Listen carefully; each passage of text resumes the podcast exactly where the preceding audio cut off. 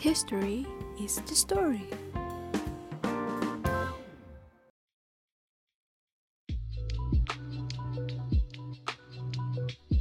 Halo teman-teman semua, balik lagi di podcast kesayangan kalian, The Maroons Memory Lane. Yay!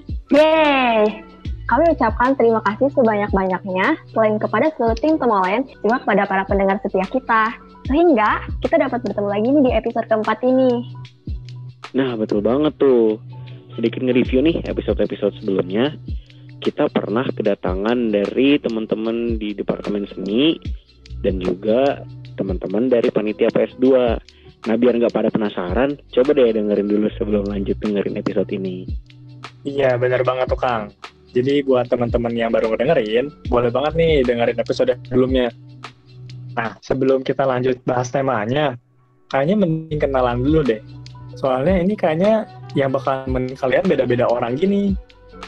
Boleh, Kang, boleh. Biar pada nggak penasaran kali ya, kenapa suaranya ganti. Iya. Jadi aku dulu aja ya Kang ya. Kalau aku namanya Gavin. Salam kenal ya semuanya.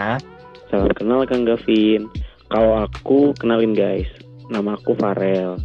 Nah, kebetulan banget di episode PS2 kemarin, aku sama Gavin juga sempet jadi pembawa acara di sana. Nah, mungkin kita dengar ada yang baru nih ya, Kang. Siapa ya, Kang? Iya nih, siapa nih?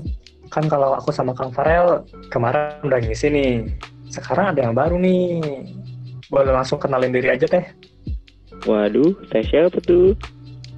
Halo semuanya, kenalin nama aku Irna dan akulah di sini yang jadi partner baru bersama Kang Farel juga Kang Gavin. Salam kenal, Teh Irna. Iya. Ya, salam kenal Teh Irna. Oh ya, langsung aja ya. Saatnya kita kembali berdiskusi. Nggak terlalu serius, tapi dijamin bisa membangkitkan rasa nasionalisme. Bener nggak sih? Wah, keren banget nih dari omongannya mah, Kang Gavin. Emang mau ngomongin apa sih kita sekarang? Tema kali ini kita bakal bawain sebuah momentum yang diperingati pada bulan Oktober kemarin. Kira-kira pada inget gak di bulan itu ada apaan? Bulan Oktober. Oh, Sumpah Pemuda ya? Nah, bener Kang. Jadi kita bakal ngebahas tentang peristiwa Sumpah Pemuda di Indonesia. Kita bakal berusaha untuk ngebahas gimana sih perjuangan para pemuda di balik momentum nasionalisme ini yang akhirnya bisa jadi titik balik perjuangan bangsa Indonesia. Iya, bener banget tuh. Oh iya, sendiri jujur nih, kayak dari dulu mikirnya Sumpah Pemuda tuh yang kami putra-putri Indonesia sekedar itu doang.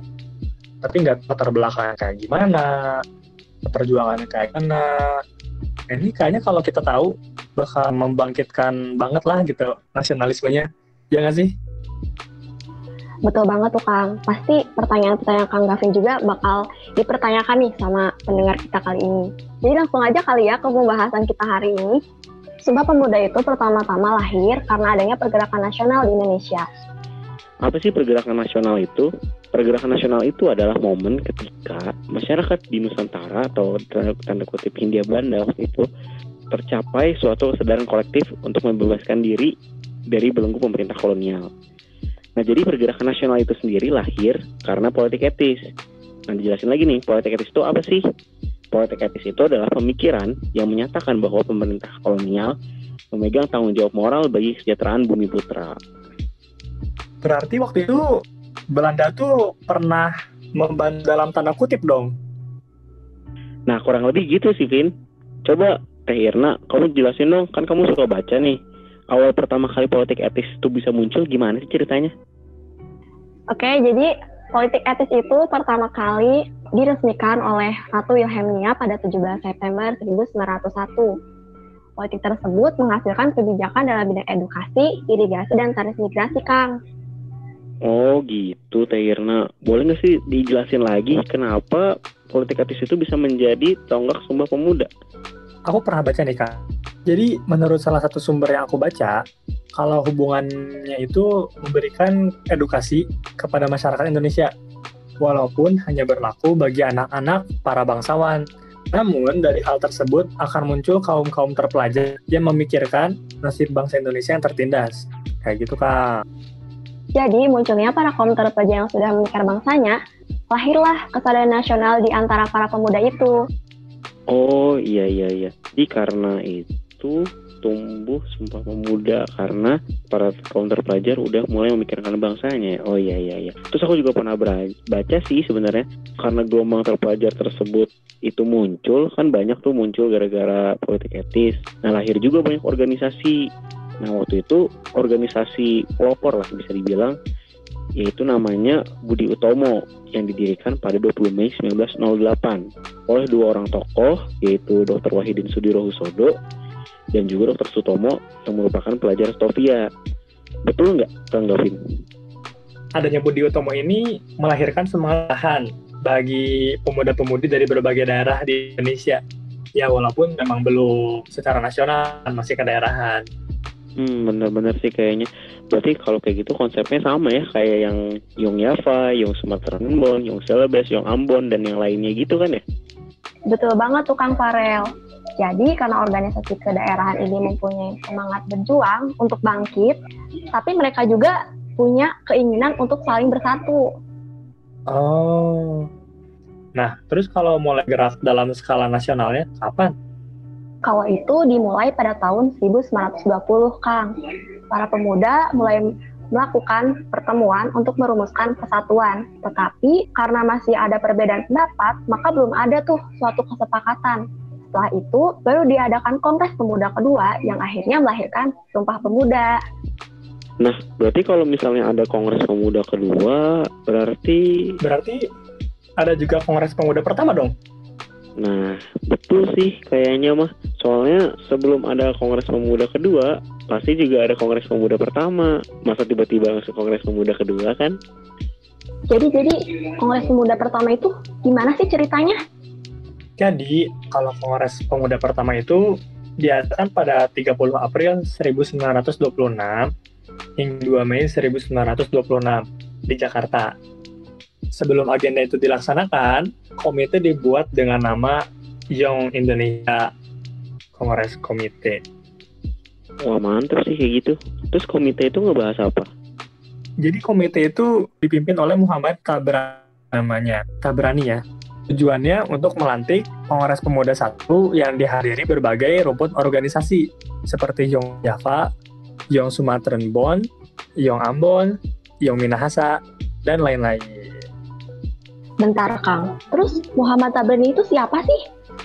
Muhammad Tabrani itu orang yang memimpin Yong Indonesia Kongres Komite, seorang pemimpin redaksi harian Hindia baru yang masih berusia muda ia didukung oleh banyak pemuda terpelajar yang belajar di perguruan tinggi. Nah, betul banget tuh Irna. Apa kata Kang Gavin tadi? Muhammad Tabrani sebagai ketua kongres menyatakan bahwa tujuan utama dari pertemuan tersebut yaitu menjadikan semua organisasi pemuda sebagai pelopor bagi tercapainya cita-cita besar mengenai persatuan Indonesia. Ia juga berharap persatuan itu tumbuh mengalahkan perbedaan-perbedaan seperti kepentingan kelompok, suku, ras, bahasa, dan juga agama. Emang paling mantap sih ya. Tapi kalau cerita di dalam Kongres satu sendiri, ada yang tahu nggak? Ceritanya, tanggal 30 April 1926, ada pertemuan tuh di Kongres Pemuda pertama. Nah, acara itu dipandu oleh Sugondo Joyo Puspito. Dalam materi ini, Sugondo Joyo Puspito memaparkan bagaimana sejarah pergerakan bangsa Indonesia ia juga menambahkan poin penting dan mempertegas bahwa peranan para pemuda sangat esensial dalam pergerakan itu sendiri. Oh, gitu ya. Nah, ngomong-ngomong, kalau kongres itu biasanya ya terutama untuk kongres pemuda pertama ya, itu berapa hari sih? Nah, kalau kongres pemuda pertama, itu dari tiga pertemuan nih, Kang. Yang barusan itu tuh baru pertemuan pertama, jadi masih panjang lagi nih rangkaiannya. Terus kalau hari keduanya ngebahas apa aja? Nah, kalau hari kedua, pas tanggal 1 Mei 1926, pokok pembicaraan yang dibahas adalah mengenai masalah kehidupan perempuan di Indonesia. Banyak sekali kecaman yang mewarnai pembahasan ini.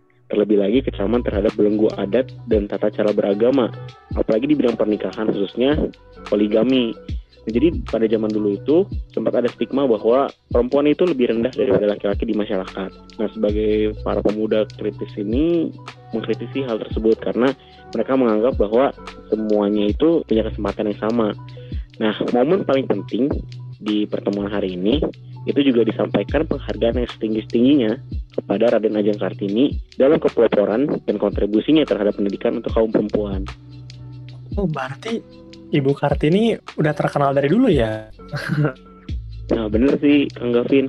Kita bisa lihat juga kan jasa-jasanya itu besar banget tuh buat para perempuan di Indonesia. Kalau hari ketiganya ngapain tuh? Eh, tiga hari kan? Nah, iya bener, tiga hari. Jadi kan berarti ini hari terakhir ya kalau gitu. Nah untuk hari terakhirnya itu pas tanggal 2 Mei 1926 Muhammad Yamin seorang siswa tahun terakhir AMS di Yogyakarta membahas tentang bahasa-bahasa dan sastra Indonesia. Hal-hal penting yang muncul dari pembahasan ini adalah mengenai pengajuan bahasa Melayu sebagai bahasa persatuan Indonesia. Nah, itu juga mengenai pengesatuan politik yang akan sulit digapai jika persatuan kebudayaan belum tercapai. Nah, perdebatan di hari terakhir ini menunjukkan bahwa bahasa adalah sebuah tantangan yang cukup sulit untuk mencapai persatuan Indonesia. Wah, jadi kita di sini dan para pendengar podcast kita bisa lihat ya perjuangan para pemuda. Sebenarnya sih udah bagus sih sebenarnya untuk jadi dasar fondasi untuk persatuan. Walaupun kongres pertama ini belum berhasil mencapai tujuan yang tertera di atas tadi. Nah, peserta sepakat agar mereka bersama-sama dapat menyebarkan cita-cita persatuan di berbagai kalangan pemuda dan mengakrabkan hubungan antara organisasi pemuda dengan satu yang lainnya.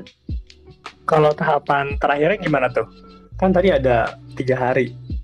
Nah, dari tiga pertemuan itu, selesai kan kongres pertama Young Indonesia Kongres Komite berusaha menghubungkan antar organisasi-organisasi pemuda agar dapat mewujudkan persatuan pemuda Indonesia yang berasal dari berbagai golongan.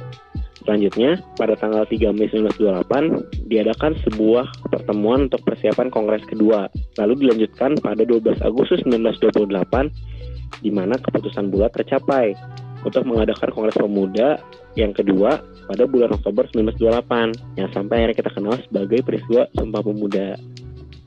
Wow, berarti Kongres Pemuda pertama udah beres ya, sukses ya. Terus kalau misalkan jalannya Kongres kedua tuh gimana sih? Kan katanya tadi kata Kang Farel itu tuh disebut Kongres yang melahirkan Sumpah Pemuda. Itu kayak gimana tuh? Tentu aja kongres selanjutnya juga sukses dong seperti kongres sebelumnya yaitu Kongres Pemuda pertama yang sama juga nih terdiri dari tiga pertemuan. Nah, aku dengar-dengar pertemuan pertama cukup seru nih, teman-teman. Apa bakal ada ada yang selisih pendapat atau gimana tuh? Kalau selisih pendapat pasti ada ya Kang dari awal kongres pertama juga sudah ada selisih pendapat. Oke, jadi aku bakal jelasin di pertemuan pertama ini diselenggarakan pada 27 sampai 29 Oktober 1928 di Gedung Katolike Jongelingen, Bonn. Gak hanya dihadiri para pemuda aja nih si pertemuan ini, tapi dihadiri juga oleh antek-antek Belanda. Lah, antek-antek Belanda kan mau mengusung nasionalisme kan? Nah ini sih ini tadi aku maksud seru. Jadi orang-orang Belanda yang ikut serta di pertemuan pertama ini bertugas untuk mengawasi jalannya rapat apabila para pemuda terlalu mengkritisi, apalagi mencelah pemerintah Belanda. Namun, saat itu tuh orang-orang Belanda itu malah kesannya nyari-nyari kesalahan di forum dengan mengancam para pemuda yang berusia 18 tahun untuk dikeluarkan jika pembicaraan masih menggunakan kata kemerdekaan ataupun kata lainnya yang berbau politik. Nah, tentu saja hal itu menghambat jalannya rapat. Jadi karena itu kan para ter, para terganggu kan ya pemudanya untuk ngebahas tentang rapat ini. Alhasil naiklah Mr. Sartono, salah satu orang yang belajar mengenai hukum. Lalu ia menjelaskan kalau para antek-antek Belanda tersebut tidak masuk akal dan mereka itu tidak tahu mengenai hukum. Jadi mereka kalah deh. Ampun Bang Jago, hebat banget nih Mr. Sartono bisa sampai orang Belanda pada bungkam. Kalau gitu rapat selesai dong. Terus mana katanya sumpah pemuda? Hmm, tidak semudah itu Bang Jago. Ceritanya tuh masih panjang dan tentu aja belum selesai sampai sini. Jadi setelah isyarat ketiga, WR Supratman, tahu gak nih siapa dia? Tahu tahu tahu tahu tahu tahu tahu tahu. Pasti pencipta lagu Indonesia Raya, ya nggak? 100 buah Kang Gavin. Bener banget. Jadi WR Supratman ini adalah seorang pencipta lagu, salah satunya itu lagu Indonesia Raya. Dan ia juga bekerja sebagai seorang wartawan ya. Ia meminta kepada Sugono Puspito selaku ketua panitianya pada waktu itu untuk mengumandangkan lagu Indonesia Raya. Tentu aja tanpa syair ya guys, karena lagu tersebut syarat akan ajakan cinta terhadap tanah air, yang pasti bakal dilarang nih oleh antek-antek Belanda. Nah, jadinya lagu tersebut dikumandangkan oleh W.L. Supratman menggunakan biola. Tapi iya bener, karena kalau pakai syair, pakai lirik itu pasti ya orang-orang Belanda yang marah lah, bener-bener nasionalis banget. Dan apalagi nantinya jadi lagu kebangsaan kita gitu tuh mengharukan sekali memang Bener sih Kang. Nah momen mengharukannya juga aku dengar-dengar nih. Nggak sampai situ aja. Setelah itu diambillah keputusan yang diambil dari pidato yang merupakan hasil dari Kongres Pemuda kedua, yaitu Sumpah Pemuda. Nah jadi di sini nih yang akan dikenang sampai sekarang. Jadi inilah pokoknya yang bener-bener peaknya nasionalisme Indonesia lah. Coba bacain dong Kang Gavin Sumpah Pemudanya gimana? Oke. Aku hafal dong ya. Coba ya. Pertama, kami putra dan putri Indonesia mengaku bertumpah darah yang satu, tanah Indonesia. Kami, putra dan putri Indonesia mengaku berbangsa satu, bangsa Indonesia. Kami, putra dan putri Indonesia, menjunjung bahasa persatuan, bahasa Indonesia. Yeay. Sumpah Pemuda yang udah dibacakan oleh Kang Gavin merupakan simbol semangat dan persatuan seluruh rakyat Indonesia. Asas tersebut wajib dipakai apabila ada acara perkumpulan yang bersifat kebangsaan Indonesia. Wah, gila sih keren. Akhirnya ada Sumpah Pemuda yang lahir di situ. Jadi kalau aku boleh tarik kesimpulan nih ya, tujuan Sumpah Pemuda itu salah satu strategi ampuh untuk mengalahkan strategi Belanda yang kita lebih kenal Davide et Impera. Ya pasti udah pada tahu lah ya. Jadi karena orang-orang itu bersatu gitu dari berbagai daerah, jadinya kita bisa melawan penjajahan dengan rasa penderitaan yang sama. Kayak gitu dan apalagi tanah air yang satu, bahasa yang satu, bertumpah darah yang satu. Ini tuh bagian dari nasionalisme kita gitu. Ya enggak sih Kang? Teh Setuju banget Kang Gavin. Menurut aku sih ini udah bener-bener momen di mana masyarakat Indonesia itu udah lelah terpecah belah, udah lelah berjuang sendiri-sendiri dan akhirnya muncullah pergerakan yang sangat amat keren ini sih menurut aku. Momentumnya tepat setelah para jadi terdidik semua, semuanya bisa memikirkan nasib bangsa ke depannya, akhirnya bisa bersatu demi kepentingan bersama tanpa melihat golongan masing-masing. Keren banget sih emang ini banyak banget amanat dari peristiwa Sumpah Pemuda ini sendiri. Nah tentunya kalau kayak gitu kan membuat dampak gitu ya dari Sumpah Pemuda. Dampaknya memang gak langsung kerasa di, di waktu itu juga. Tapi itu tuh salah satu bentuk pondasi perjuangan karena bakal jadi landasan baik itu kemerdekaan ataupun setelah kemerdekaan nantinya.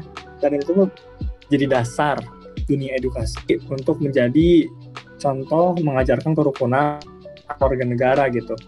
Walaupun berbeda etnis tapi tetap satu bangsa kayak gitu loh. Setuju banget sih. Emang walaupun udah lama lah ya bisa dibilang hampir hampir ya hampir 100 tahun yang lalu cuman tetap bisa kerasa gitu dampaknya sekarang. Apalagi dengan kondisi kita yang sekarang lagi sulit gitu ya. Bisa dibilang kan ada pandemi ini pandemi itulah. Jadi kan kita ngerasa pecah belah. Tapi dengan semangat sumpah muda ini pasti kita bisa juga tuh melewati hal-hal tersulit sekalipun. Pokoknya pemuda-pemuda ini bisa menunjukkan lah bahwa pemuda-pemuda itu kapabel banget dalam melakukan perubahan. Iya bener kata Kang Farah kalau dikaitin sama masa sekarang ini tuh jadi pondasi untuk kita bersama melalui pandemi iya Teh Irna gimana nih menurut Teh? Menurut aku sih, Sumpah Pemuda ini merupakan tonggak perjuangan dari pemuda-pemuda untuk mendapatkan kemerdekaan ya, dan merupakan sebuah unsur pelopor dalam perjuangan bangsa untuk menciptakan kehidupan yang lebih bahagia, adil, dan sejahtera, Kang. Wah mantap banget sih closing step dari Teh Irna untuk pembahasan kali ini keren banget. Ya mungkin segitu aja dulu ya untuk pembahasan Sumpah Pemuda kali ini. Hmm, bulan depan bahas apa ya? Hmm, mungkin alangkah baiknya kalau kita rahasiakan aja nih Kang Gavin. Apalagi kan bulan depan udah mau akhir tahun tuh. Mungkin bisa lah jadi kado-kado Natal gitu buat para pendengar kita. Kalau dari Teh Irna mau bahas apa nih? Atau mau dirahasiain juga? Dirahasiain juga dong. Tujuan aku sama nih kayak Kang Farel. Main rahasiaan-rahasiaan aja ih. Ya udah deh kalau gitu. Makasih ya teman-teman yang udah mau mendengarkan episode Sumpah Pemuda kali ini.